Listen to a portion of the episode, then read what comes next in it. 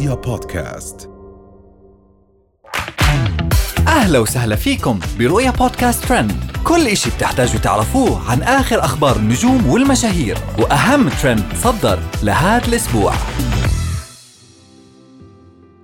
روزانا اليامي تعلن إصابتها بمرض جلدي خطير. طلاق دنيا بطمة ومحمد الترك يثير أزمة جديدة. نسرين طافش أفعى بعد جرائد زوجها بالفيديوهات.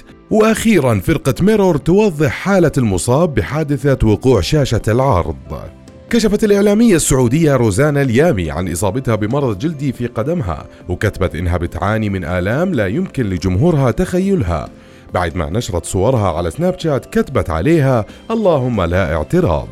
ولكن انهمرت بعدها عليها الرسائل ليأكدوا لها إنه سبب هالمرض عين صابتها ودعا لها الجمهور بالشفاء العاجل وتساءل البعض الآخر عن تفاصيل المرض وأسبابه لكنها اكتفت بالصمت.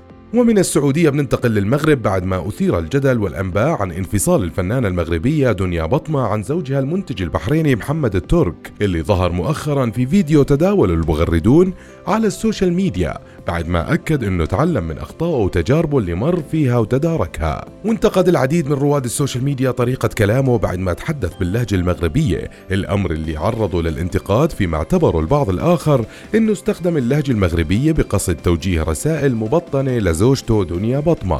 وما تم تأكيد الخبر أو نفيه من قبل الطرفين.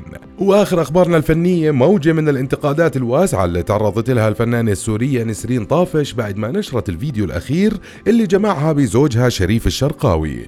واللي ظهر فيه بجرأة استفزت جمهورها على ال social media. وعرضتها للانتقاد الحاد من زملائها في الوسط الفني خاصة الفنانة تولين البكري بعد ما علقت على الفيديو بشكل غير مباشر وكتبت يلي بيحبوا بعض عن جد ما بيكونوا مضطرين يورجوا هالشي للعلن بس الظاهر الأفاعي حابين يجاكروا حدا. وكتبت أحد متابعاتها تعليقا على الموضوع كنا بمنشوراتك الفيلسوفة وصورك صرنا بصور رجلك ورجل زوجك ما عندك شي تعملينه. ومن أخبار المشاهير والفنانين بننتقل لأخبار الترند بعد ما تصدر فيديو سقوط شاشة العرض على عضو لفرقة استعراضية صينية. الترند وبالتفاصيل كانت الفرقة الصينية التي تدعى ميرور. قد تعرضت أثناء حفلهم الخميس الماضي لحادثة مؤسفة بعد ما سقطت أحد شاشات العرض على زميلهم في الفرقة. وكشف أحد أعضاء فرقة ميرور عن آخر تطورات الحالة الصحية للمصاب وقال إنه ما زال بالعناية المركزة بعد ما خضع لعملية جراحية وإنه الحالة مستقرة